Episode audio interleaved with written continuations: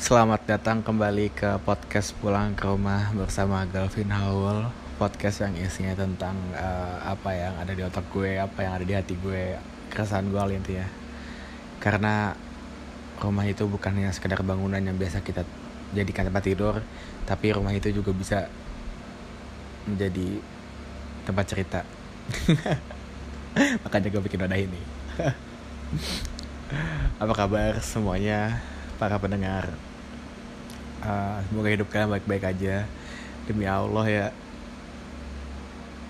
Gue tuh antara sibuk atau males tuh beda-beda tipis anjir.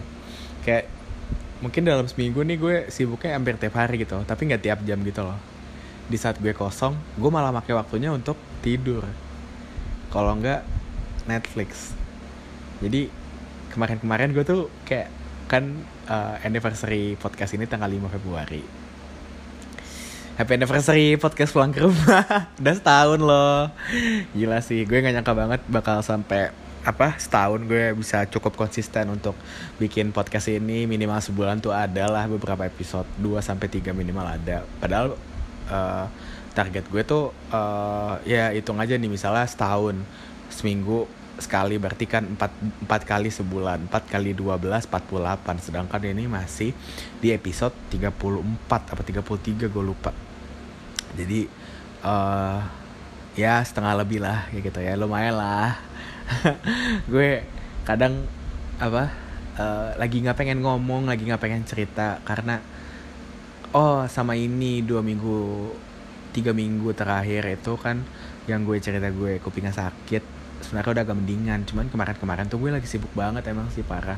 Lagi ada event uh, yang di mana gue jadi uh, salah satu penasehat lah jadi kayak pantau sana sini jadi cukup sibuk kegiatannya.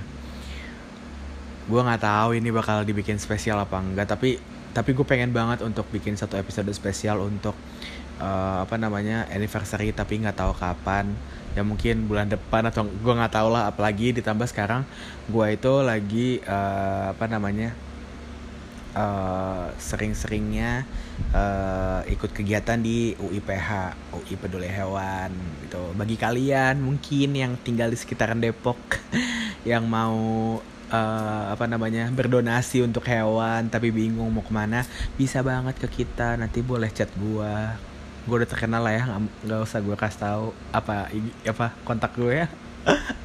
Bisa chat IG gue atau WhatsApp gue yang punya apa pun itulah pokoknya bisa chat ke gue kalau misalnya emang kalian pengen donasi ke UIPH silakan banget. Walaupun gue bukan anak UI tapi gue sangat-sangat antusias sekali dan senang sekali gitu loh uh, berada di uh, lingkaran uh, UIPH kayak gitu loh. Karena uh, kepedulian sangat hewan kepedulian akan hewan sangat tinggi kayak gitu uh, begitupun gua kayak gitu loh. Uh, dengan kucing dan anjing khususnya ya kayak gitu. Jadi ya uh, seminggu terakhir ya seminggu terakhir dulu gue ada apa ya?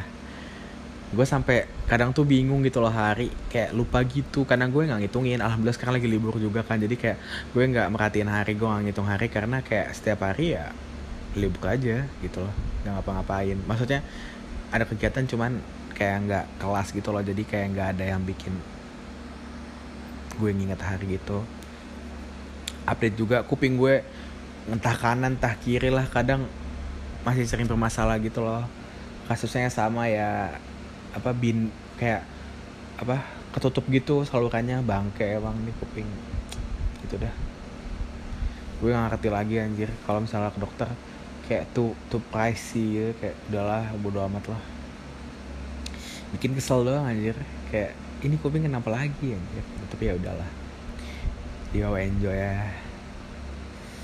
Terus uh, gue udah hampir ya bisa dibilang sebulanan terakhir. Enggak sih tiga minggu. Empat iyalah sebulan lah. Sebulanan terakhir uh, kegiatannya uh, kalau keluar paling di UIPH aja main sama anjing main sama kucing feeding anjing feeding kucing uh, rescue uh, ke klinik ngurusin kucing steril kucing sakit dan seterusnya. Gue nggak ngurusin sebenarnya sih. Kalau yang steril cuma nganterin aja dan ngeliat keadaan mereka cukup miris dan rasa empati gue tuh makin tinggi gitu loh di saat gue ada di klinik membawa kucing-kucing dari UI untuk uh, apa namanya uh, dibawa ke klinik gitu dengan berbagai macam masalah mereka. Terakhir tuh aduh gue lupa banget namanya siapa? Molly. Enggak serius iya serius. Kalau nggak salah namanya serius serah. Serius. Nih udah tau gue cadel R anjir. Serius dia itu sakit jamuran. Jamurannya udah akut kalau nggak salah kemarin tuh. Semoga lekas sembuh ya serius. Dan uh, ya selain itu juga gue rapat sana sini lagi. Gak jauh-jauh dari rapat ke hidup gue. Dan uh, gue berusaha untuk memastikan diri gue bahwasanya tahun ini tahun terakhir gue untuk melakukan kegiatan rapat perapatan duniawi. Apa namanya uh, karena kayaknya gue udah mulai nggak cocok di dunia ini. Harus ada yang menggantikan gue adik-adik lain kayak gitu loh. Kayak gue sudah tidak dibutuhkan lagi lah di dunia per perorganisasian ini kayak gitu. Jadi uh, gue akan pindah ke lahan yang baru yang di mana emang itu lahan gue selanjutnya kayak gitu uh, jadi ya sekarang gue ingin uh, apa namanya menabur banyak-banyak uh, kesan baik lah ke beberapa pijakan yang sedang gue pijak gitu. Semoga niat baik gue akan menjadi suatu hal yang baik dikenangnya kayak gitu dengan siapa pun itu. Uh, itu tujuan gue sih soalnya gitu gue pengen apa namanya meninggalkan jejak yang rapi seragam dan baiklah dan harum gitu loh. Dan bisa bahkan kalau bisa ditiru banyak orang cara-cara atau peninggalan gue kayak gitu bisa dipakai banyak orang. Kayak gitu itu sih niat gue. Tapi ya semoga aja lancar lah nggak ada halangan untuk uh, apa namanya melaksanakan mimpi itu. Terus abis itu hmm,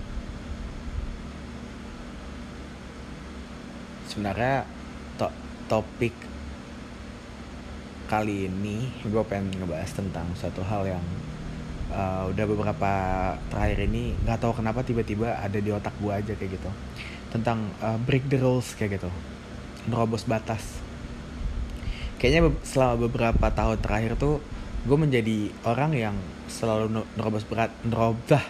Menjadi orang yang uh, selalu nerobos batas kayak gitu loh gue uh, cukup berani dari langkah ke langkahnya untuk mengambil keputusan yang uh, cukup kontroversial dan uh, apa ya menjadi orang yang cukup apa ya cukup berbeda kayak gitu loh. Kayak gitu. Ya nggak gue nggak ngerasa paling beda sendiri cuman uh, gue ngelihat diri gue itu uh, udah cukup beda dari gue yang dulu kayak gitu loh. Jadi gini dulu pas masa-masa SMP atau SD lah kayak gitu. Tapi ini kayak mencari jati diri juga sih. Kayak gue jadinya udah uh, mulai apa ya mulai kelihatan lah jati diri gue tuh seperti apa dan arahnya ke mana kayak gitu. Tapi ini prosesnya. Pas gue SD atau SMP gue tuh selalu ngikut orangnya. Gue nggak pernah vokal gue nggak pernah jadi orang yang ingin selalu di atas. Gue tuh selalu ngikut gue selalu di belakang orang. SD saat kelas 1 kelas 2 kayak nggak terlalu inilah gue nggak terlalu eh dari kelas 2 kelas 3 tapi sih uh, apa ya yang paling yang paling memorable di gue sih dari mulai kelas 4 sih. Karena di kelas 4 ini gue se sekelas uh, sama beberapa orang yang dekat sama gue. Terus habis itu gue udah mulai uh, apa namanya yang awal dari kelas 1 sampai kelas 3 gue tuh nggak ngebaur sama banyak orang. Akhirnya pas kelas 4 gue mulai ngebaur sama ya bisa dibilang gengan geng kelas atasnya di SD gue lah anjay. Uh, geng kelas atas di SD gue lah kayak gitu. Terus abis itu uh, apa namanya uh, udah tuh uh, apa namanya berteman dengan kelompok itu. Terus abis itu tak lu nih aduh sumpah gue risih banget anjir sama kuping. Kayak kuping lu tuh ketutup gitu loh padahal nggak ada apa-apa. Tapi ini sih prediksi gue kayaknya emang apa ya kulit gue kayak ada yang kelupas lagi di dalam kayak fuck anjir kuping. Lanjut deh lanjut deh. Uh, terus uh, pas kelas 4 gue udah mulai kan tuh main-main sama geng-gengan kelas atas sudah mulai ada nama anjay udah mulai merasakan uh, apa ya uh, main sama kalangan atas gitu loh yang di mana kayak ya serba enak aja serba dia nggak nggak tau ya deskripsi gimana ya kayak kayak geng-gengan atas gitu loh kayak serba dapat duluan serba menang serba serba enak serba dilihat serba banyak deh pokoknya kayak gitu. Serba keren. Wah, iya kata-kata itu tiba-tiba hilang di otak gue anjir muncul lagi. Serba keren. Kayak keren aja gitu kayak apa ngumpul di tongkrongan meja sama terus di situ terus terus kayak apa, apa namanya uh, apa kalau main benteng waktu itu kan mainnya sama mereka kayak gitu kan seru-seruan main itu itu aja kayak gitu loh. Jadi seru kayak gitu. Terus kelas 4 gue juga pernah main teater. Emang anaknya mah seni banget dari SD kayak gitu. Gue main teater waktu itu jadi dokter kalau salah kayak lupa gue. Apa jadi apa gitu gue lupa. Jadi dokter kalau nggak salah deh. Pokoknya main gue main teater di SD terus gue uh, satu-satunya prestasi akademik yang gue capai tertinggi adalah pas SD di mana gue dalam dua semester ranking 4 berturut-turut. Gokil bro. Seorang Galvin tuh ranking 4 gila sih. Dulu gue pinter soalnya pas kelas 3 pun 10 besar. Intinya tuh gue nggak pernah kelempar dari 10 besar gue dulu tuh selama SD kelas 1 sampai kelas 6 nggak pernah kelempar dari 10 besar gue kayak gitu. Nah masalahnya adalah itu dari total 30 sampai 35 orang ya sampai 30 murid 35 murid gitu. Masalahnya semenjak SMP udah SMP masih sempat sih. SMA lah mulai bobrok ntar gue ceritain. Terus habis itu udah tuh kagak ada gue break the rules kayak gitu. Ngalir aja nyatu lah ibaratnya gitu. Nggak merasa diri paling sendiri nggak merasa diri paling beda kayak gitu. Malah gue takut untuk beda sendiri saat itu kayak gitu. Kayak gue nggak mau beda dari orang lain gue maunya sama kayak gitu lanjut ke MTS udah mulai sedikit lah beda sama orang lain karena udah mulai punya prinsip tapi dikit banget. Karena pas kelas 1 uh, apa namanya uh, gue kelas 7 iya kelas 7 gue sotoy. Gue deketin cewek yang di mana sekarang jadi sahabat gue sendiri. Kayak gitu gue deketin cewek uh, gitu deh pokoknya gue lupa cerita itu lagi mana tapi akhirnya pas kelas 7 tuh gue kayak banyak banget deketin cewek. Nah deketin ceweknya ini kayak uh, sampai sekarang masih ada nih. Tapi sekarang enggak sih sekarang beda niatnya. Kalau dulu emang beneran kayak ini gue pengen pacaran gue pengen pacaran kayak gitu. Karena gue dari SD belum pernah pacaran kayak gitu. Pas SMP kelas 7 akhirnya kayak gue enggak sih kelas 7 enggak belum pacaran kelas 8 gue mau pacaran. Pokoknya kelas 7 gue masih ada lah masih masih inilah masih apa namanya masih berprestasi kayak gitu. Cuman uh, garis tipis ranking 10 ranking 11 kayak gitu. Tapi gue ada di kelas uh, re, uh, kelas apa intensif waktu itu pas kelas 7 jadi termasuk anak pintar lah gue.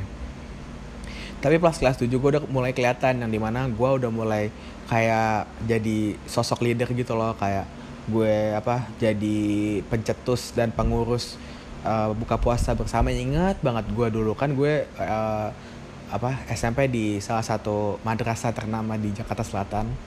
Uh, terus habis itu uh, inget banget dulu gue ke Carrefour sama teman gue berdua ke jadi rumah jadi buka puasa tuh di rumah dekat rumah dekat uh, madrasah gue uh, itu rumah teman gue terus habis itu uh, gue ke Carrefour Lebak Bulus uh, beli KFC bagi seorang anak SMP tuh udah goks banget anjir lo ke mall sendiri waktu itu. Ke mall sendiri bertiga sih sama teman gue terus beli KFC kayak gitu kan. Suatu hal yang baru bagi kita saat itu. Terus habis itu uh, beli KFC beli uh, bucket. Udah kan beli segala macam terus di di sana yang cewek-cewek pada yang cewek cowok sih kita mix lah pada uh, apa namanya uh, es buah bikin es buah gitu-gitu deh terus buka puasa udah. Terus kayak inget banget di twitter tuh kayak pada apa selamat ya kayak apa namanya uh, acara lo keren. Padahal mau buka puasa kelasan doang kayak gitu loh. Tapi kayak pada nyelamatin gue karena gue yang ngurusin. Mulai saat itu udah mulai tuh kelihatan gitu kan. Terus kelas 7 juga gue tuh udah mulai ikut pramuka kayak gitu. Mungkin bagi yang mau denger cerita tentang pramuka detail gue bisa denger episode anjing gue lupa uh, aduh gue lupa banget Kajawa Lily goes to LA hashtag atau ke anjing sumpah demi Allah gue lupa banget aduh gue lupa banget sumpah dah aduh gue nggak bisa nih kalau penasaran kayak gini bentar bentar gue liat dulu uh, podcast. Wow, Anchor sekarang baru ya. Oh, episode 34 bro sekarang. Uh, episode Raja Walili Goes to LA Hashtag Ata, uh, Dan episode Cinta Gudepnya bukan pramukanya. Jadi uh, itulah detail pramuka gue Dan di situ gue sama Farid uh, Apa namanya Ngobrolnya. Sebenarnya Farid temenin aja Karena gue banyak ngomong. Terus abis itu uh, Apa namanya Udah tuh uh, kelas 7 gue udah mulai ikut pramuka udah mulai ikut apa namanya keliling-keliling banjir-banjiran gitu deh dulu seru banget. Terus pas kelas 8 udah mulai jadi pengurus dan jadi sosok leader di angkatan gue sendiri kayak gitu. Jadi inilah waktu itu gue jadi masih jadi wakil karena masih ada senior. Ikut lomba sana sini ikut lomba sana sini tapi gue yang udah mulai paling sosok leader gitu gue yang paling depan. Kalau ada apa-apa gue yang ngurusin kayak gitu loh. Nggak tahu kenapa kayak seleksi alam aja. Kayak gue juga lupa kenapa gue tiba-tiba yang ngurusin tip kenapa tiba-tiba gue yang jadi apa ya ter terdepan gitu loh di pramuka angkatan gue. Gue juga nggak tahu dulu gue sama teman gue itu. Berdua berdua sama cewek teman gue yang sekarang jadi sahabat gue juga. Sahabat gue semua anjir. Sama orangnya sama soalnya main tadi. Terus habis itu uh, apa namanya uh, gue berdua sama dia gitu loh sering selek dulu apa segala macam biasa anak SMP lah. Walaupun sekarang tuh sekarang deket banget gitu. Gitu udah udah sayang sayangan banget lah. Soalnya gue juga sama dia ulang tahunnya nggak nggak nggak nggak jauh kayak gitu. Terus habis itu uh, uh, oh ya terus uh, apa namanya ngomongin sama sahabat gue ini dulu gue sering teleponan kalau misalnya mau ulang tahun kayak gitu kayak saling ngucapin gitu deh. Love you. Gila gue kangen banget sama lo kalau denger ini. Uh, terus habis itu udah tuh gue uh, udah mulai jadi sosok leader lah gitu. Dari mulai SMP kelas 2 ikut sana ikut sini lomba sana lomba sini. Uh, terkenal Galvin senang pramuka banget ya saat itu. Dan gue udah mulai bisa berdiri sendiri tapi gue masih takut kayak gitu loh masih takut untuk beda sendiri. Uh, terus gue juga di kelas akhirnya pas di kelas 9 gue ikut osis juga. Dan ini ketemu sama pacar cinta pertama gue gue ketemu sama cinta pertama gue di SMP kelas 3 pas gue osis uh, terus habis itu uh, ternyata setelah gue inget-inget pokoknya sampai kelas 3 bukan SMP kelas 2 SMP kelas 3 uh, eh, cinta pertama gue uh, di situ makin makin lah gue jadi sosok yang jadi orang yang berbeda apa bukan berbeda sih waktu itu masih sosok leader lah belum berbeda.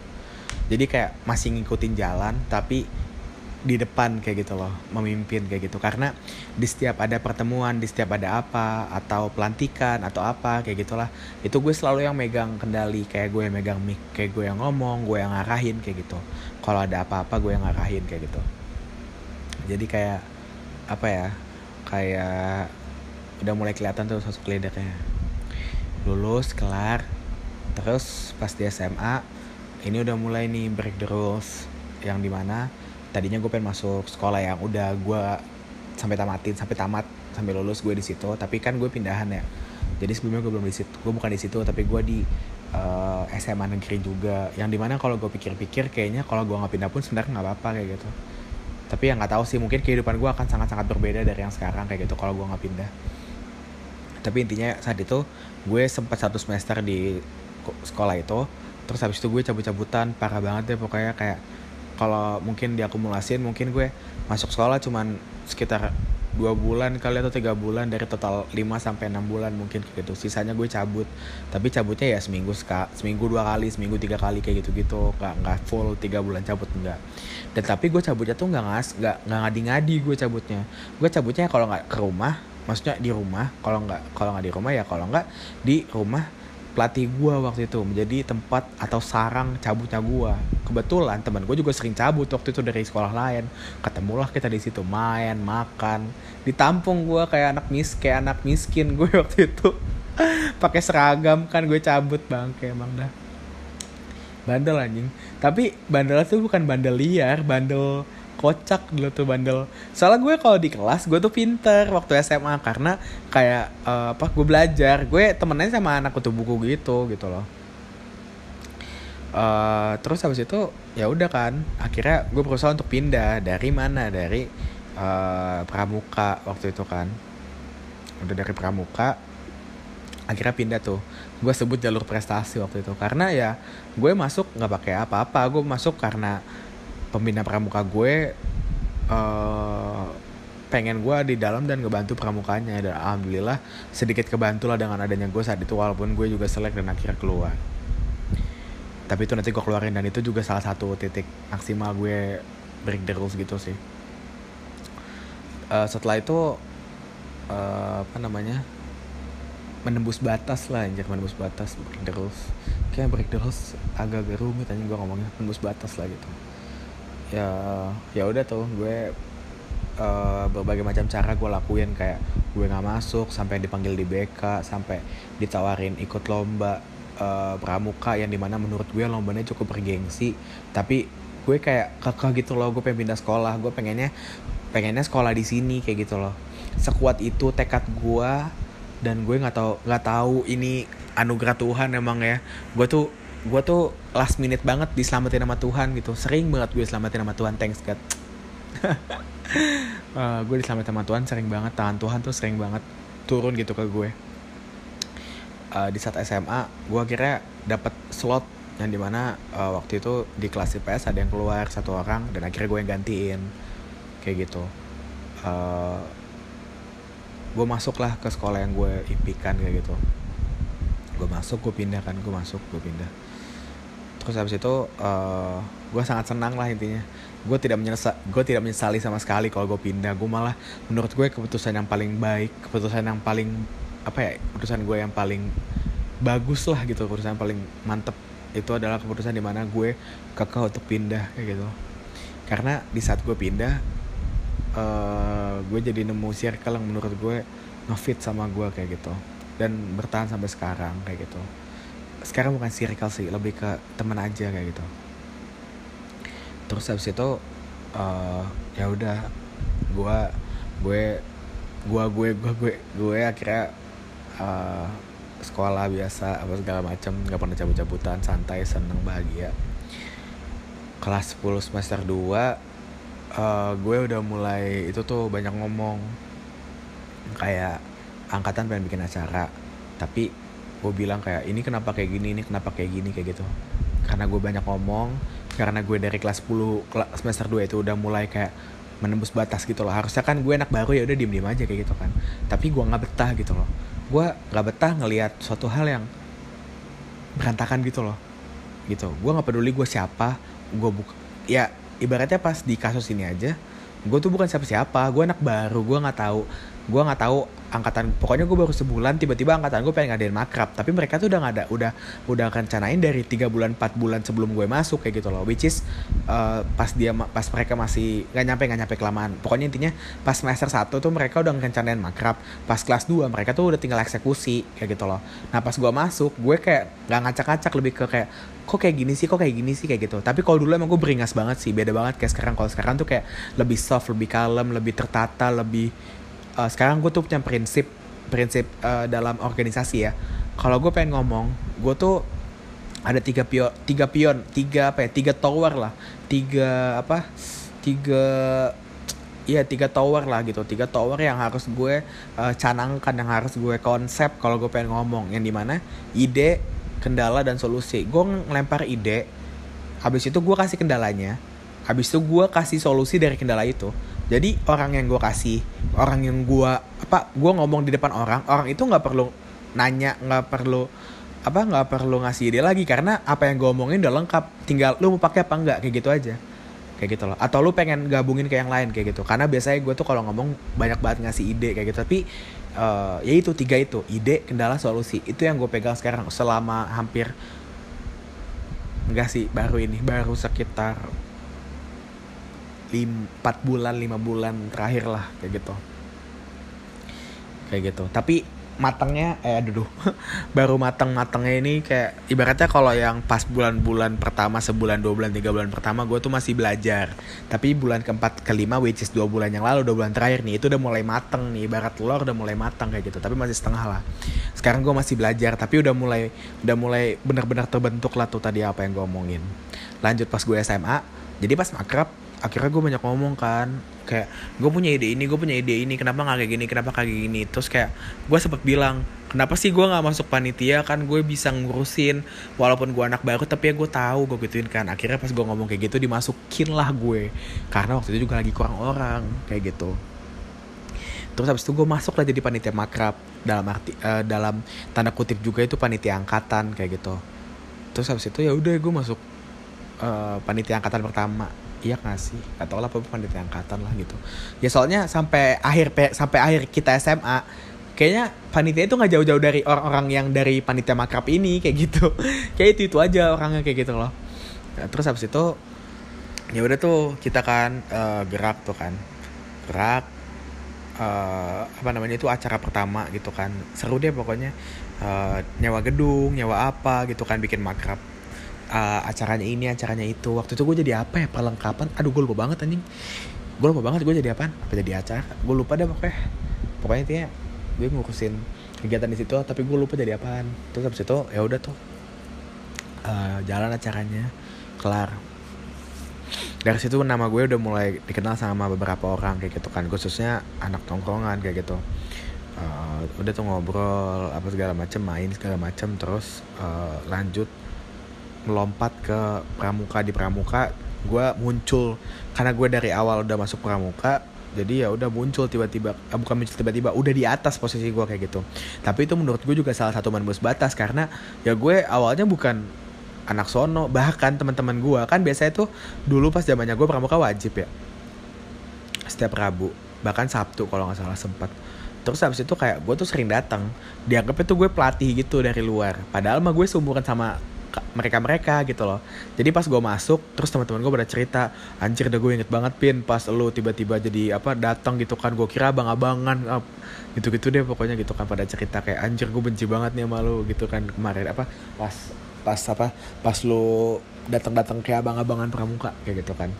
Ya udah tuh pokoknya pada cerita ngakak deh pokoknya lucu-lucu. First impression anak-anak gue sebelum gue masuk sekolah itu kayak gitu kan terus habis itu ya udah apa namanya uh, itu aja udah menembus batas banget kayak gitu loh. Jadi mulai dari SMA tuh gue udah kayak kalau kata teman gue ini menjadi joke internal kita karena teman kita waktu itu ada yang sampai sakit sakitnya kocak tapi gara-gara kata-kata break the limit. Pokoknya ada lah ntar gue ceritain lah kapan-kapan.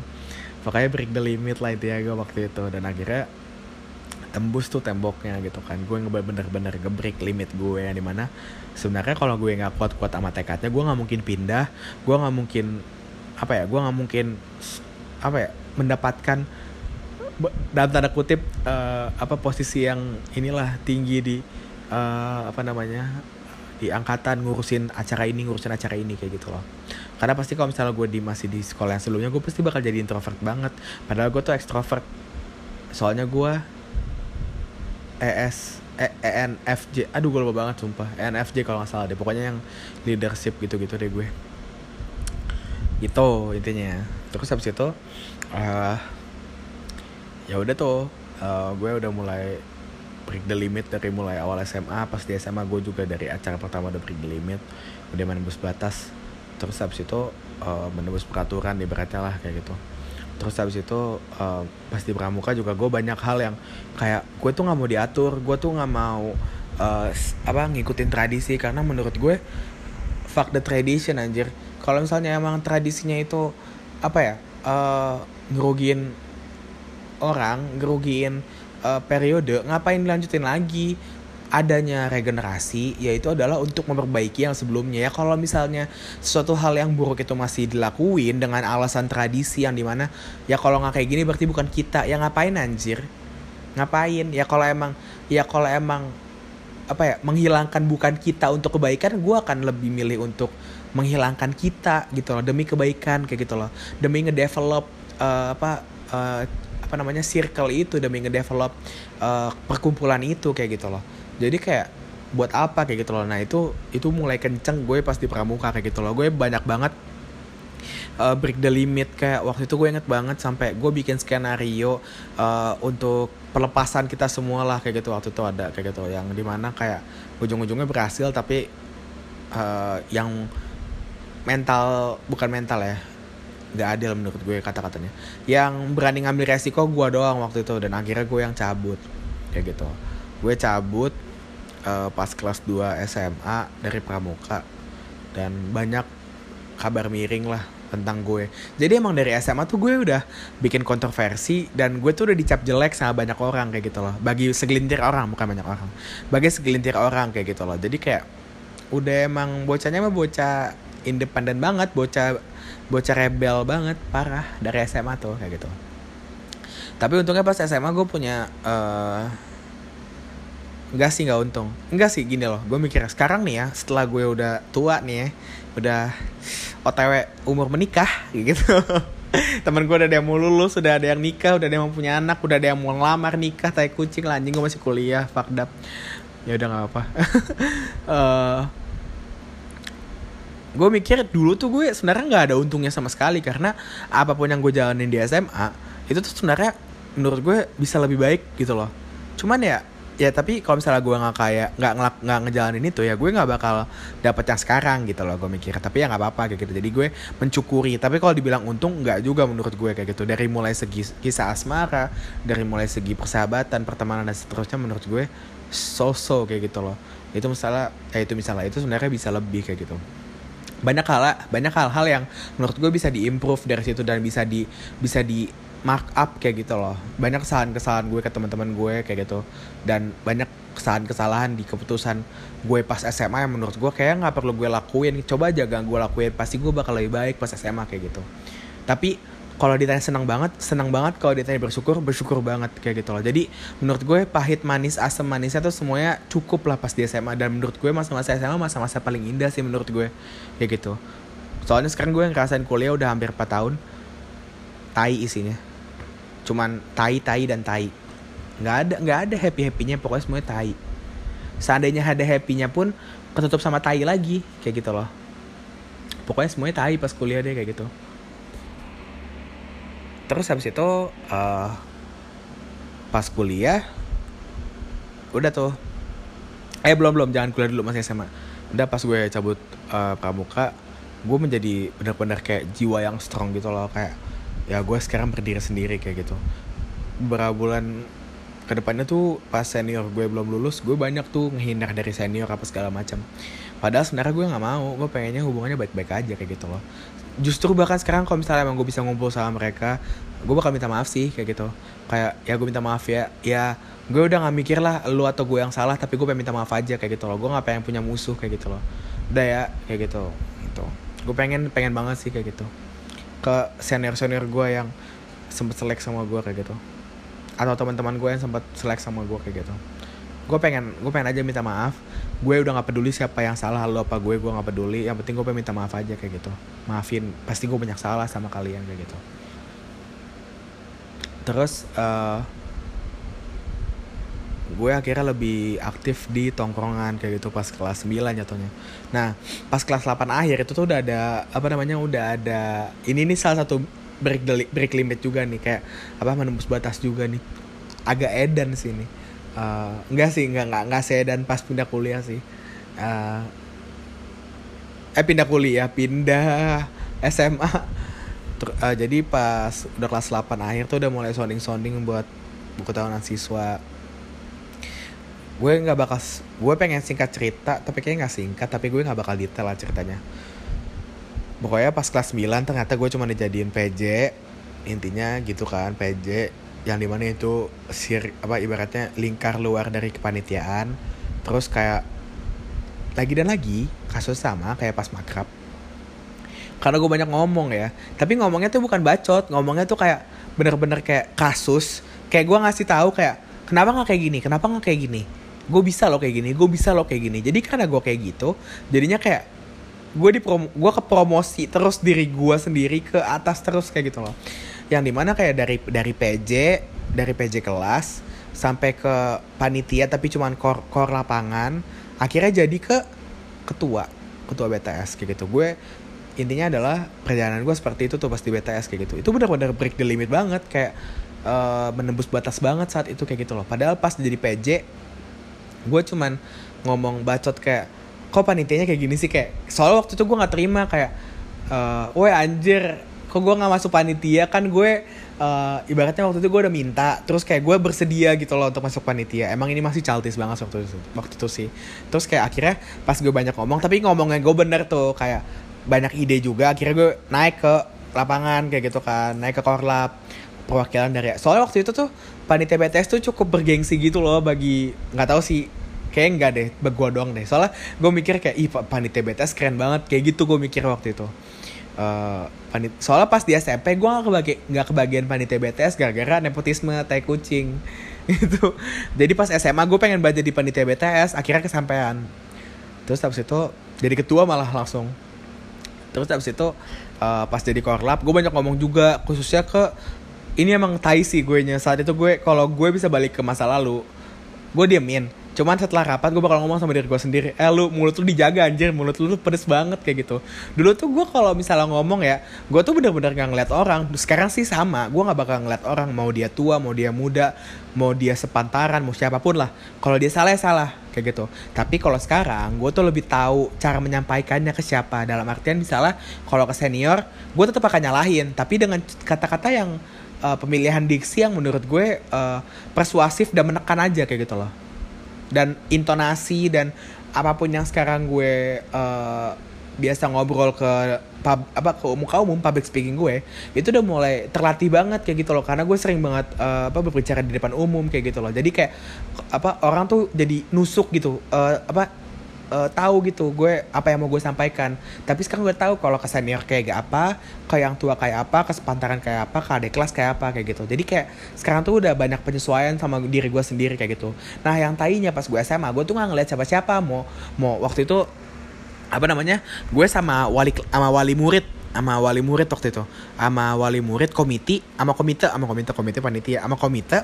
Itu gue bener-bener kayak jutek sejutek-jutek abis sama komite. Karena menurut gue ini komite cuma pengen ngeduitin doang karena waktu itu komite. Tapi ini suzon gue doang padahal emang enggak anjir kayak gitu. Emang bodoh dulu gue tuh bodoh banget anjir. Kayak suzon udah gue pengennya kayak apaan sih punya gue jangan di pengen diacak-acak lah udah biar aja gue yang ngerjain kayak gitu. Dulu gue udah sombong arogan independen bodoh tapi jalan. Tapi jalan walaupun arogan kayak gitu.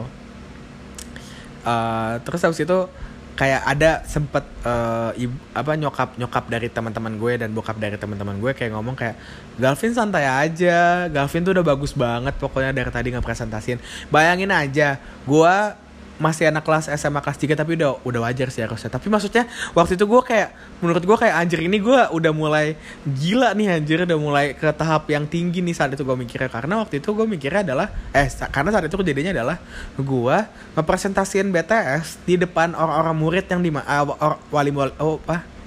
Wali murid yang di mana mereka itu kan yang menjadi yang akan bayar kayak gitu loh yang akan bayar BTS-nya kayak gitu loh. Maksudnya kan kita kan kenain biaya kan ke para murid kayak gitu para student. Ya pasti kan yang bayar orang tuanya ya nggak sih kayak gitu. Dari mulai subsidi silang, dari mulai uh, proses pengerjaan, dari mulai proses kerjasama dengan uh, vendor, dari apa uh, book book year organizationnya kayak gitu. Semuanya gue kerjain, eh semuanya gue explanation, gue presentasiin dengan uh, seragam dengan uh, step by step dan rapih gitu loh. Jadi kayak wali murid tuh pada terkesima gitu sama gue kayak kayak bagus idenya apa segala macam rapih uh, penjelasannya dan segala macam jadi kayak pas BTS itu gue udah mulai tertata tuh public speaking gue kayak gitu kan. Karena waktu itu gue ngomong sama yang lebih tua kayak gitu. Tapi waktu itu gue masih arogan karena ada satu bapak-bapak yang kayak neken gue banget kayak ngedeketin gue banget. Gue jadi risih. Jadi kayak waktu itu gue bener-bener uh, apa namanya menolak dengan sangat bantuannya dia untuk BTS kayak gitu. Tapi gue bodoh. Nggak bodoh sih tapi maksud gue kayak setelah gue pikir-pikir gue nggak sopan anjir sebenarnya. Coba aja gue berhubungan baik kayak gue sekarang udah keluar negeri anjir. Iya kuliah gue di luar negeri sih cuman bisa lebih jauh lagi lah kuliah negerinya. Gitu lah intinya. Jadi kayak udah bodoh banget dari SMA tuh kayak gue banyak banget nyari maksudnya uh, beberapa maksudnya kayak apa ya kayak gue tuh nggak takut punya musuh saat itu. Kayak siapa nih yang mau lawan gue ya ayo kayak gitu kayak gitu. Ya sekarang juga sih cuman kalau sekarang lebih kayak kalau emang gue nggak suka sama lo ya udah. Lo jauh-jauh dari gue kayak gitu loh. Tapi gue nggak mau nantangin lo kayak gitu loh. Ya udah lo lo aja kayak gitu. Gitu sih sekarang kayak gitu. Lebih kalem lah udah tua bro. Tenaganya disimpan aja lah buat buat apa kek? Uh, terus pas itu ya udah uh, waktu itu pas beta sudah kayak gitu kelar lu gatel anjing kuping gue. Ya dah. Sakit anjir. Kayak gatel pas di unyeng-unyeng sakit bangsat emang anjing. Udah tuh uh, jadilah BTS sedemikian rupa. Dan yang paling ini kayak udah gue ceritain sih tapi mungkin gue sebut sedikit lah. Gue cerita sedikit lagi di sini.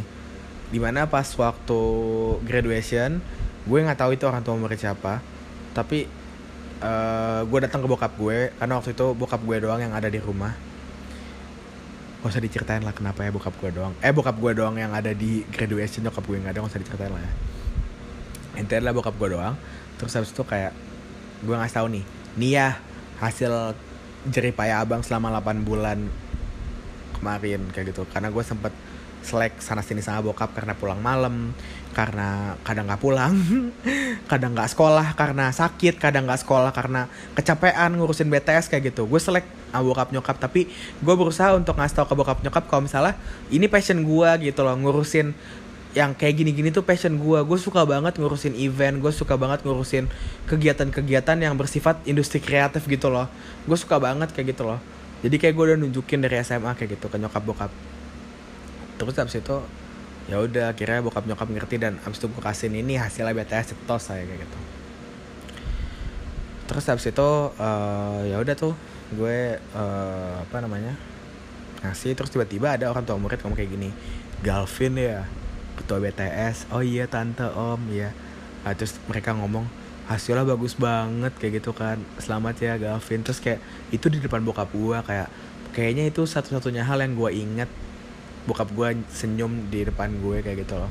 Uh, karena hasil yang gue tunjukin ke dia kayak gitu loh. Kayak gitu sih gue nyiptain. Gue megang sekitar 100 jutaan atau 200 jutaan gue lupa. Atau lebih bahkan gue lupa deh pokoknya ratusan juta. Gue nge apa ngelola ratusan juta selama 8 bulan dan itu berhasil kayak gitu loh. Ya ada sih cacatnya dikit wajar menurut gue cuman secara garis besar menurut gue cukup sukses lah BTS yang gue pegang tapi kan yang nilai orang ya. Tapi ya udahlah ya I don't give a fuck. Tapi bagi gue udah cukup udah cukup sukses dan gue bangga aja gitu sama diri gue sendiri pernah seperti itu. Itu top top performance gue banget. Nggak nggak nggak nggak capek capeknya gue terima kasih untuk Ola wakil terbaik gue. Pokoknya sejauh gue kerja sampai sekarang detik ini itu tuh setelah gue hitung-hitung mungkin ada karya empat kayak empat orang. Yang pertama Ola. Semua cewek lagi. Empat orang. Yang pertama Ola. Ola ini wakil ketua BTS gue yang sangat-sangat berkesan gitu gue kerja sama mereka. Ola terus yang kedua Mafaza Mafaza dulu koor humas gue. Dia tuh orang alim banget. Suci lah kayak suci dia tuh orangnya.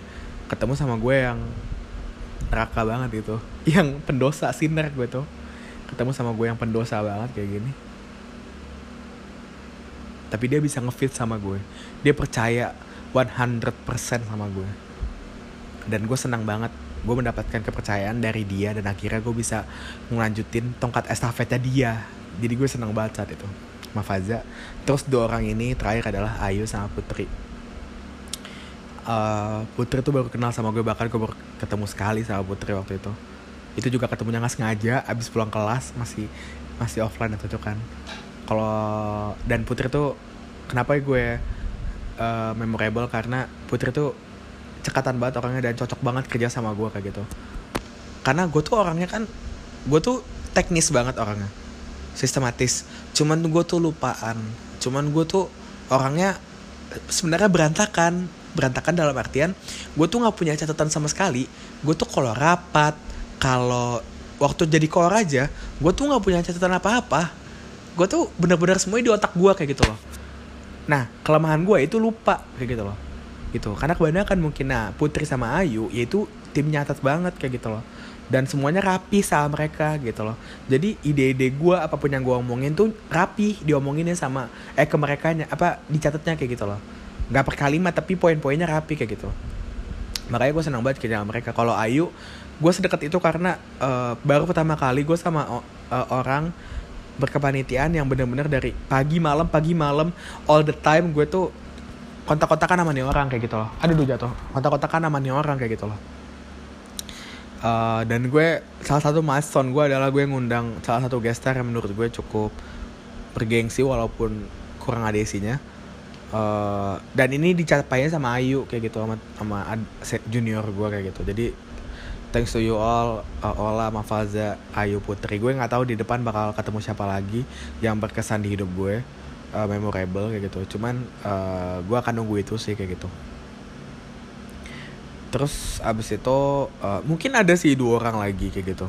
Tapi kenapa nggak gue sebutin? Karena ini nggak into ke gue banget. Karena waktu itu uh, ibaratnya apa ya? Kayak beda lah beda beda beda beda apa ya? Beda ruang gitu loh. Soalnya kalau yang empat orang ini tuh gue lebih ke memorable karena gue ke mereka gue gimana ya ngomongnya? Kayak nggak tau dah gue bingung deskripsinya. Cuman kalau yang orang ini tuh ada namanya Rapip sama Nola. Gue kerja sama mereka bareng. Dan itu benar-benar kayak kita saling bahu membahu untuk bikin festival waktu itu. Festivalnya Indonesian Day kayak gitu. Jadi kayak uh, itu cukup memorable juga sih gitu loh. Mereka punya ruang sendiri lah di uh, kalau ngomongin pengalaman organisasi kayak gitu itu mereka punya ruang sendiri lah. Lanjut jadi itulah uh, gue pas BTS kayak gitu.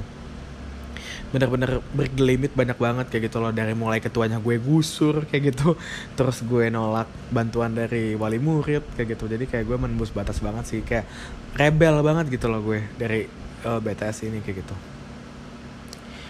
Kelar BTS dan thanks to Cibeng thanks to Kamela thanks to Mira thanks to Farah Depal udah dan kawan-kawan lainnya lah yang kayak tidak perlu gue sebutin salah satu karena udah. Gue udah bikin episode kalian semua di dua episode BTS yang ah gue lupa lah episodenya. Udah pokoknya yang foto-foto BTS dah pokoknya udah nonton kan tuh deh dengerin aja gitu lah pokoknya. Kalau mau dengerin pengalaman BTS gue dengerin deh cari aja deh pasti pasti kelihatan lah kayak gitu. Di deskripsi juga ada. Gitu jadi break the limit tuh kan menembus batas. Terus habis itu uh, udah tuh gue nganggur tuh. Oh enggak sebelumnya gue sebelum nganggur gue kayak ada pertemanan kecil-kecilan lah gitu. Pertemanan kecil-kecilan sama menurut gue random banget orangnya. Kayak gue nggak pernah nyangka gue bakal bisa main sama nih orang-orang kecuali Kamela.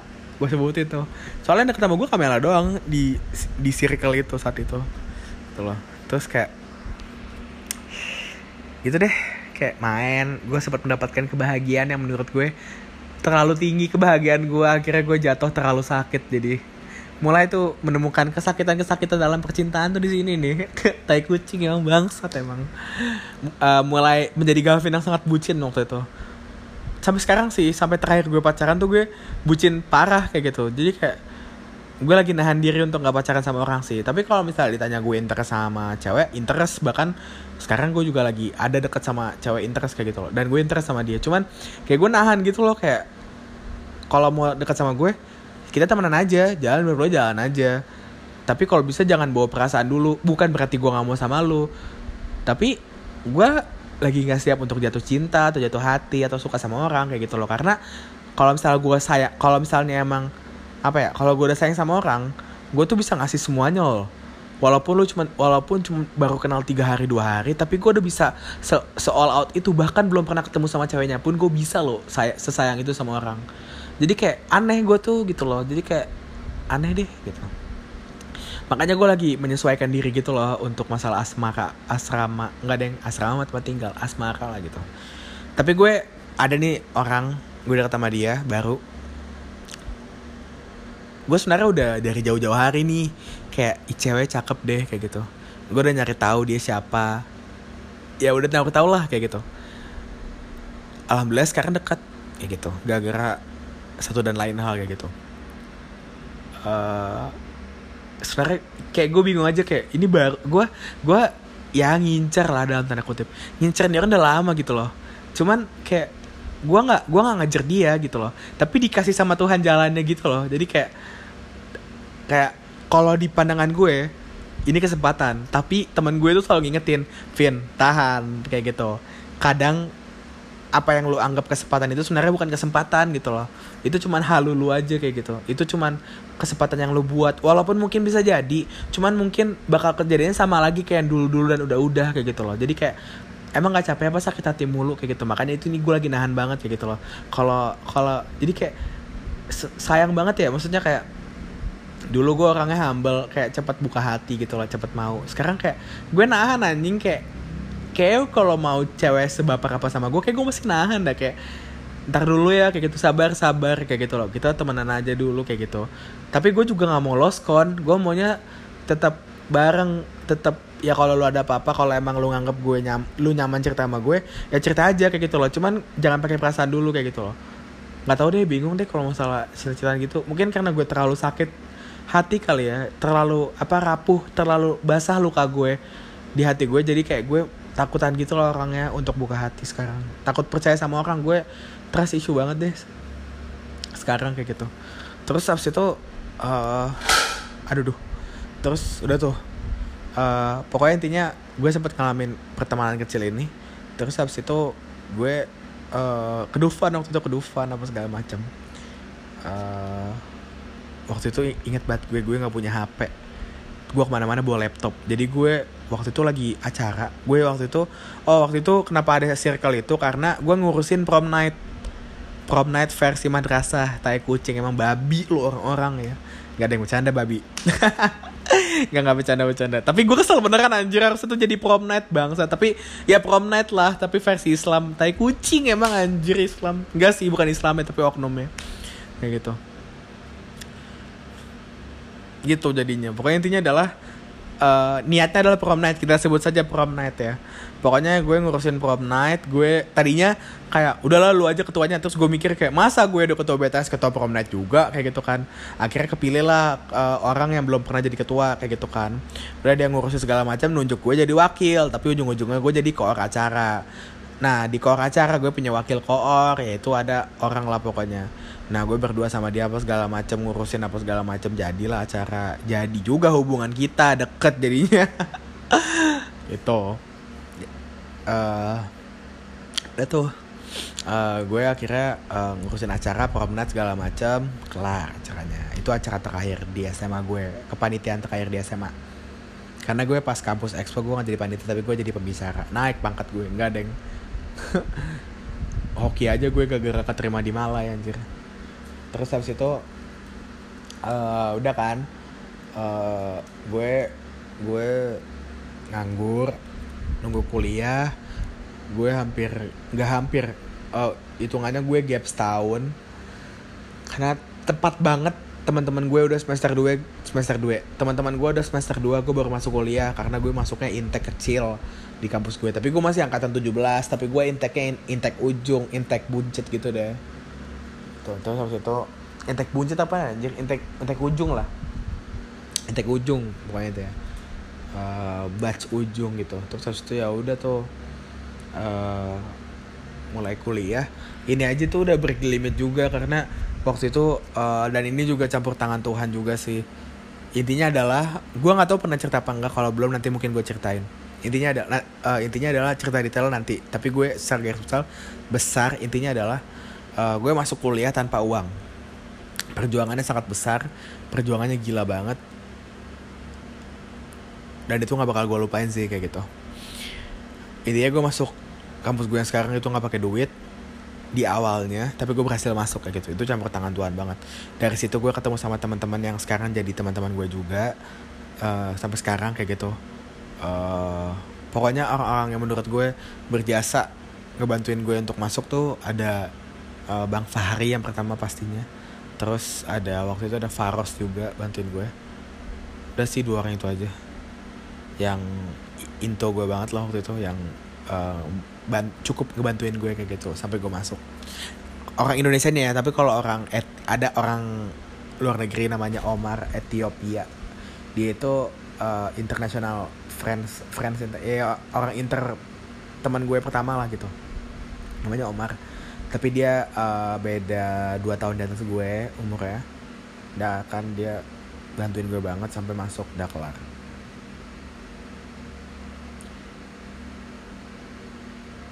Terus habis itu uh, udah kan. Kelar semua. Baru mulai break break lagi break the lim break break the limit lah. Itu pas gue jatuhnya pas udah ngurus pas tahun pas udah setahun kurang lebih lah tuh setahun kurang lebih itu gue udah mulai break limit uh, mulai acara besar ikut acara besar terus udah mulai banyak ngomong udah mulai intervensi sana sini itu akhirnya gue muncul ke permukaan lah dengan seorang Galvin yang makin independen saat itu gitu. Makin percaya percaya diri untuk ngomong di depan umum kayak gitu loh.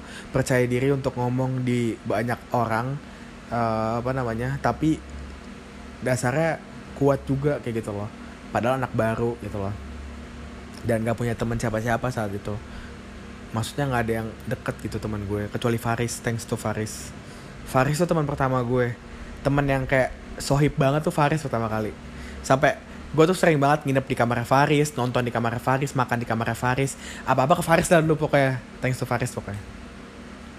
Sebelum ketemu Kavi, Pate, Umam gitu-gitu gue ke Faris dulu soalnya. Sama Edi gitu-gitu. Gue ke Faris dulu eh sebenarnya iya sih ke pokoknya ke Faris lah. Soalnya kalau sama Nopal Edi itu beberapa sama Faris baru ke Nopal Edi gitu. Tapi ke Nopal Edi juga sering banget sering banget waktu itu. Karena gue sama Nopal kamarnya sekamar sebelahan gitu. Uh, apa apa namanya kompennya sebelahan. Dan kan tuh uh, apa namanya di acara-acara besar gue mulai banyak ngomong mulai banyak uh, break the limit. Kayak gue mulai menyampaikan aspirasi aspirasi aspirasi gue yang di mana ternyata setelah gue sampaikan orang-orang tuh banyak ngomong kayak gue kayak bang atau Vin lu keren banget anjir. Uh, gue juga sepemikiran sama lu sebenarnya kayak gitu. Tapi gue nggak enak aja ngomongnya. Tapi tersampaikan sama gue kayak gitu loh. Kayak gitu. Uh, banyak. Bisa dihitung pakai jari lah orangnya. Cuman itu bermakna banget bagi gue jadi ternyata uh, sebenarnya ada loh yang sepemikiran sama gue tapi dia nggak nggak apa mereka mereka ini nggak berani ngomong kayak gitu loh. Karena mungkin terlalu dominasi kayak gitu loh. Terlalu uh, pekat warna dari suatu kelompok itu kayak gitu. Makanya kayak ternyata gue berani ngomong dan ternyata gue mengaspirasi beberapa golongan kayak gitu loh. Dan sejak saat itu jadinya gue makin independen gitu loh. Waktu itu gue ngomong dan ini akhirnya kejadian ya Allah. Emang ya doa tuh apa omongan tuh doa ya. Waktu itu gue ngomong kalau lu black tangan gue darah gue close darah gue tulisannya independen keluarnya independen di darah nih gitu.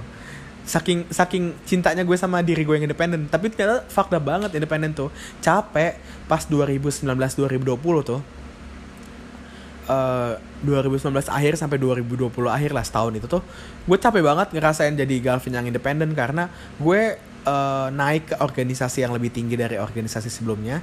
Eh ke organisasi yang ya maksudnya dari gue naik gue sebenarnya harusnya kan yang normalnya adalah uh, organisasi kampus organisasi negara organisasi benua dan dunia kayak gitu kan. Tapi gue langsung loncat ke negara kayak gitu kan. Dengan alasan kayak waktu itu kayak udahlah gue di kampus ditendang kayak gitu. Gue di kampus nggak dibutuhin. Pada padahal waktu itu ya sebenarnya gue mikirnya waktu itu gue nggak dapet tempat kayak gitu. Sebenarnya ada tempat buat gue banyak tapi gue nggak mau dibawa waktu itu karena gue rasa gue potensi loh gue berpotensi masa gue di bawah kayak gitu. So songong emang anaknya congkak. Dan waktu itu juga bokap gue nggak ngebolehin karena uh, dengan alasan pas di SMA di SMA kan kayak pramuka BTS tadi kalau gue di bawah kejadiannya apa? Gue pasti bakal rebel bakal ngebreak gitu loh. Kalau misalnya emang atasan gue nggak benar ya gue bakal bakal ngepush atasan gue ya kalau dia betah sama gue ya akan sampai akhir. Tapi kalau nggak betah ya pasti dia bakal gue yang gantiin baik jabatannya maupun statusnya apa pun itulah kayak gitu. Jadi kayak bokap gue ngingetin gitu loh kayak kalau bisa jangan lah kayak gitu. Daripada kamu nanti buat masalah lagi kayak gitu katanya gitu. Soalnya kan di beta itu salah satunya masalah juga nggak masalah sih sebenarnya tapi kayak gue nggak enak aja jatuhnya kayak tiba-tiba gue jadi ketua padahal gue bukan ketua awalnya gitu kan gitu. Itu kayak gitu lah. Ya udah tuh uh, akhirnya uh, gue uh, merasakan keindependenan lah kayak gitu. Serba sendiri serba beda serba berani kayak gitu. Tapi selama setahun ini gue banyak selama setahun terakhir itu yang dari 2019 2020 gue banyak banget ngalamin hal-hal yang bikin gue banyak belajar. Dan sampai sekarang pun gue selalu ngomong gue banyak belajar. Dan gue gue sangat-sangat terima kalau misalnya ada junior gue misalnya gitu punya punya ide atau punya apa pun yang lebih bagus dari gue gue pasti bakal dengerin dan pasti bakal gue ikutin sih kayak gitu. Bahkan gue pengen banget bantu kayak gitu kalau misalnya ada apa-apa ke mereka. Apa yang bisa gue bantu? Kan gue punya pengalaman gue punya skill gue punya apa gue punya link kayak gitu. Lu butuh apa kayak gitu. Misalnya ide lu lebih, lebih bagus dari gue. Ya udah lu butuh apa gue bantuin nih apa yang bisa gue bantu. Gue kayak gitu sekarang orangnya kayak gitu kan. Jadi kayak eh, nggak uh, tahu ya. Gue tulus aja kayak ya nggak tahu. Ya kayak gue nggak ngeliat apa apa sih dan gue nggak minta apa apa kayak dan gue juga nggak ngarep apa apa gue bener-bener kayak tulus karena gue seneng aja ngebantuin orang. Gue seneng banget ngebantuin orang. Gue seneng ngeliat orang bahagia gitu loh. Karena menurut gue bahagia tuh sekarang langka. Makanya di saat ini kalau ngomongin bahagia dan cinta-cintaan nih misalnya gitu ya makanya sekarang tuh kalau misalnya gue deket sama cewek gue pengennya tuh senang-senang aja sama dia. Misalnya dia pengen ke mana ayo jalan. Kalau misalnya gue pengen jalan dia mau nemenin ayo jalan berdua misalnya bertiga berempat terserah lah kayak gitu. Ya kalau berdua lebih bagus karena lebih intens kayak gitu kan. Gue bisa lebih kenal dia jauh dan gue lebih bisa ngobrol panjang lebar sama dia doang kayak gitu kan. Dan dia pun begitu kayak gitu kalau berdua. Gue nggak ada niatan modus atau apa kayak gitu loh. Cuman ya yang gue butuhin ya bahagianya kayak gitu loh kayaknya gue udah jarang bahagia gitu loh. Makanya gue lagi nyari bahagia dan sekalinya ada bahagia gue bakal jaga banget kayak gitu. Dan bahkan gue bisa mati-matian berjuang untuk kebahagiaan itu. Padahal sebenarnya cuman ngeliat orang senyum dan bahagia cuman ngeliat orang senyum aja atau ketawa atau apa senang gitu loh. Itu aja udah cukup bagi gue kayak gitu loh. Udah cukup apa ya udah cukup apa ngena gitu loh di gue kayak gue seneng ngeliatnya senang juga jadi happy mood gue baik kayak gitu loh. Mungkin karena beberapa tahun terakhir dari mulai keluarga gue hidup gue itu fucked up banget ancur berantakan jadi kayak percintaan gue juga cukup berantakan jadi kayak gue senang aja kalau misalnya gue bisa bikin orang bahagia kayak gitu loh. Itu sih sekarang yang ada di otak gue yang kepatri banget di hidup gue kayak gitu loh. Uh, dan akhirnya uh, pas kuliah makin ke sini gue sekarang kayak gitu kayak gitu loh uh, prinsip gue kayak gitu loh. Tapi sekarang gue juga udah mulai ngejauh-jauhin circle dan ini juga menurut gue break the limit kayak apa melampaui batas. Dulu tuh gue tuh nggak enakan banget sama orang kayak uh, walaupun gue nggak suka sama dia tapi gue iya iya aja. Tapi sekarang gue nunjukin gue nggak suka sama lo kita tetap teman. Kalau lu nyapa gue gue nyapa lu. Kalau kita ketemu di jalan kita nyapa. Kalau ada apa-apa ya gue nyapa lu. Kalau gue butuh lu gue datengin lu dan seterusnya kayak gitu. Cuman kayaknya kalau untuk berteman dekat kayaknya enggak gitu loh. Gue fair gitu loh. Gue nggak gue gue nggak suka sama lu. Tapi bukan gak suka personalnya. Tapi nggak suka kerjanya kayak gitu loh. Atau nggak suka ininya nggak suka itunya. Tapi secara personal kita teman baik kok gitu. Tapi ya karena emang ada berbagai macam ketidakcocokan kayaknya kita cukup jadi teman yang jauh aja. Kalau butuh kalau lo butuh apa ya gue siap bantu kayak gitu loh. Kalau emang gue bisa bantu tapi kalau misalnya emang gue nggak nggak bisa bantu ya mohon maaf gitu loh. Tapi gue nggak mau nggak mau musuhin lu makanya gue nggak mau terlalu banyak kerja sama lu kayak gitu atau gue nggak mau terlalu mau dekat sama lu kayak gitu loh. Tapi kita tetap teman kayak gitu. Sewajarnya aja secukupnya aja kayak gitu.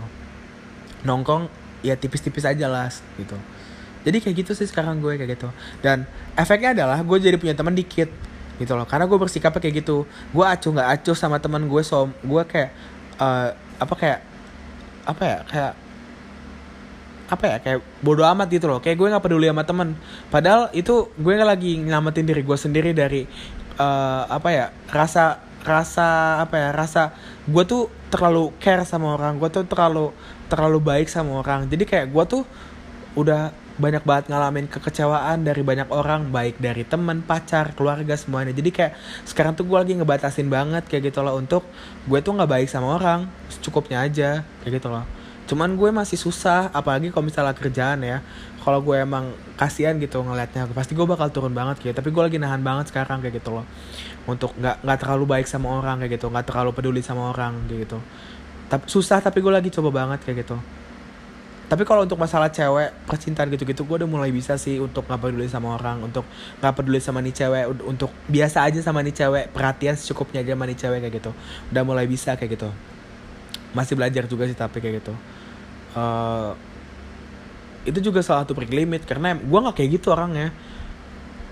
Kalau gue pikir-pikir gue tuh orangnya sampai sampai detik ini pun gue tuh ngerasa kayak kalau nggak ada halangan itu gue pengen banget ngucapin selamat ya udah ini. Terus kayak gue pengen sumbang sih ke ini gue pengen sumbang sih ke ini. Tapi karena gue tahu gue bakal dimanfaatin gue tahu gue bakal susah juga gue bakal rumit sendiri nantinya gue bakal kesel sama nih orang. Jadi gue lebih baik menghindari nanti. Gue lebih baik menghindari sekarang menghindari yang kayak gitu-gitu. Karena gue nggak mau nyari musuh kayak gitu loh. Karena sekarang hidup gue itu tuh hanya tentang gue pengen ada prestasi gue pengen hidup gue normal dan aman. Gue pengen dikuatin sama Tuhan gue udah nggak gue udah nggak nggak tujuan hidup gue bukan nyari pengalaman lagi. Tapi tujuan hidup gue ya nyari prestasi sama bikin sesuatu yang buat gue sendiri di masa depan kayak gitu loh. Kalau pengalaman gue udah gak nyari tapi gue tetap jalan untuk berpengalaman kayak gitu loh. Gitu loh. Jadi setiap kesempatan yang menurut gue bakal nambah pengalaman baru ya gue ambil. Tapi itu bukan tujuan utama gue gitu loh. Jadi sekarang tuh gue lagi ditolak banyak banget interview karena menurut gue kayaknya jawaban gue nggak memuaskan karena gue nggak ngejilat mereka. Gue nggak minta nyari pengalaman. Gue di sini ya kalau lu siap nge-hire gue ayo kita kerja bareng. Kalau gue ngerasa udah tinggi soal posisinya kayak gitu. Dan menurut gue itu yang bikin gue jadi nggak peduli sama orang. Gue kayak menjadi lebih tough lebih kuat gitu loh jadi galvan yang lebih kuat kayak gitu. Ya karena kearoganan gue dan kerasa tinggian gue gitu. Tapi secara kinerja gue gue pasti akan turun gitu loh setinggi apa pun posisi gue gue pasti akan turun ke dasar kayak gitu loh. Ya itulah gue kayak gitu loh. Gitu yang gue lihat ya ke diri gue sendiri kayak gitu. Tapi kalau bisa ditanya pasti gue dibilang gue pengalaman gue bodo amat anjing lu siapa anjir? Kayak gitu. Emang agak aneh sih gue kayak gitu. Gitu. Sombong iya. Arogan iya. Tapi kerja ya total gitu loh. Sampai ke dasar-dasar kayak gitu. Ya gitulah. Emang orang ada plus minusnya kan gitu. Gitu jadinya anjing ya gue ngomongnya udah satu jam lebih anjir. Ide ini gue pikirin kepikiran sama gue pas gue lagi buka gerbang. Kayak gue mikir kayak ih ini gue keluar gerbang melampaui batas kayak gitu. Nggak tahu sih ini filosofis aja bagi gue kayak di saat gue keluar rumah gue tuh bisa ke mana aja gitu loh. Kadang misal gue ke Indomaret nih tapi gue pengen nyari udara segar gue bisa keliling Ciputat Bintaro anjir untuk ke Indomaret doang ngabisin bensin. Padahal niat gue pengen ke Indomaret doang gitu loh jadi emang di saat gue intinya gini yang yang gue alamin adalah di saat gue break the limit gue bisa uh, apa namanya gue bisa uh, liar gitu ide gue. Gue bisa mengambil apa ya bisa bermanuver gitu loh dalam apa namanya bekerja gitu loh. Gue bisa menjadi diri gue sendiri yang di mana gue bisa freestyle kayak gitu loh kerjanya. Apa yang gue mau tapi tetap dalam hitungan dan tetap dalam tanggung jawab kayak gitu loh tapi kalau misalnya gue masih dalam rumah which is zona aman ya gue nggak bakal berani untuk ngambil apa pun yang gila-gila itu kayak gitu loh. Dengan cara gue dengan apa pun itu kayak gitu. Gue pasti akan ngelihat eh si ini orang kayak gini eh si ini kayak gini cara kerjanya gue ikutin nah gue nggak boleh lebih dari dia gue nggak boleh kurang dari dia pokoknya refer ke dia. Tapi sekarang gue jadi orang yang bisa freestyle karena apa? Gue keluar rumah kayak gitu loh. Gue berani untuk keluar rumah makanya ya kepikiran pas gue buka pintu pas dua hari yang lalu eh pas minggu yang lalu gue lupa. Gue keluar rumah gue mikir kayak anjir gue ternyata selama ini udah melampaui batas ya kayak gitu. Udah udah apa nerjang batas udah break the limit kayak gitu. Gitu sih gue mikirnya. Ya gitu deh pokoknya. Uh, gue juga ini kalau kuping gue udah bener nih udah udah sehat walafiat lah uh, gue pengen kerjasama sama Iska ya Allah.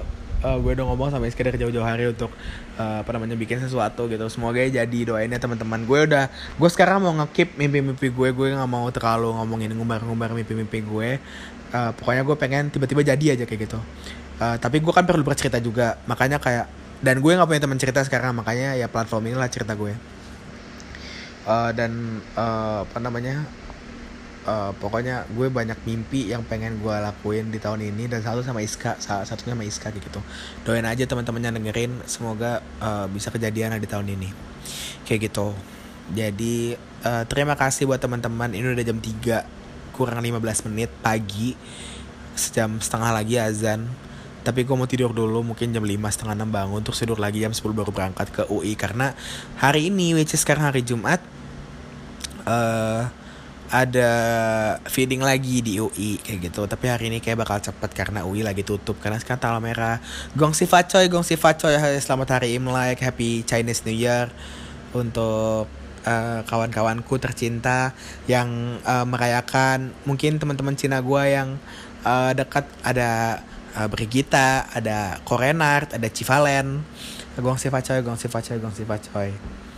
Uh, mungkin itu aja. Terima kasih buat teman-teman yang udah dengerin sampai sini. Uh, mohon maaf apabila ada mungkin uh, orang atau siapa pun yang gue sebut dan maupun nggak nggak gue sebut tapi merasa uh, tersindir atau gimana gue minta maaf. Gue gue di sini cuman ya ngomong aja gitu loh. Nggak ada niatan untuk menusuk atau menyakiti. Bahkan menyakiti perasaan kayak gitu. Di sini gue ngomong aja. Uh, gue minta maaf kalau misalnya gue banyak salah sama kalian. Gitu. Uh, panjang-panjang panjang-panjang panjang umur hal baik uh, panjang-panjang semua yang baik lah kayak gitu. Itu aja uh, semuanya uh, gue berdoa apa pun yang sedang kalian uh, capai apa pun yang sedang kalian usahakan uh, semoga uh, tercapai di sesuai targetnya dan uh, semoga rezeki kita juga dilancarkan oleh Tuhan Subhanahu Wa Taala. Amin amin amin amin ya rabbal alamin. Uh, stay healthy stay happy uh, Gavin sign out bye bye bye bye bye bye thank you. Ditunggu pokoknya nggak tahu kapan anniversary-nya bakal hebat ya pokoknya. Nggak gue nggak mau janji. Pokoknya ditunggu aja. Bye bye